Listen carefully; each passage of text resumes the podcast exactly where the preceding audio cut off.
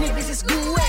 Yo, yo. Ini bisnis gue podcast. Support your local business. Ini bisnis gue, yo. orang-orang yang berkarakter itu tuh lu bakal bisa dikenal dari wanginya. Karena saat lu menyendiri, lu tuh disconnect dengan dunia luar.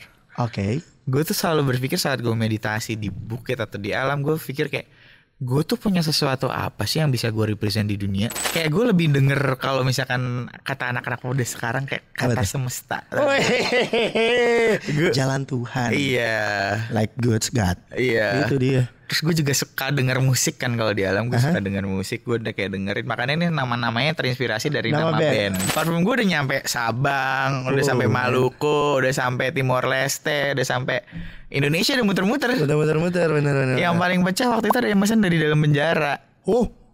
Siapa tuh? Itu Nggak tahu orang gue ngirim ke LP yang ada di daerah Itu? Jawa Barat gitu. Oke. Ya udah deh. Abis itu gue, wah gila. Gue cuma jualan dari HP.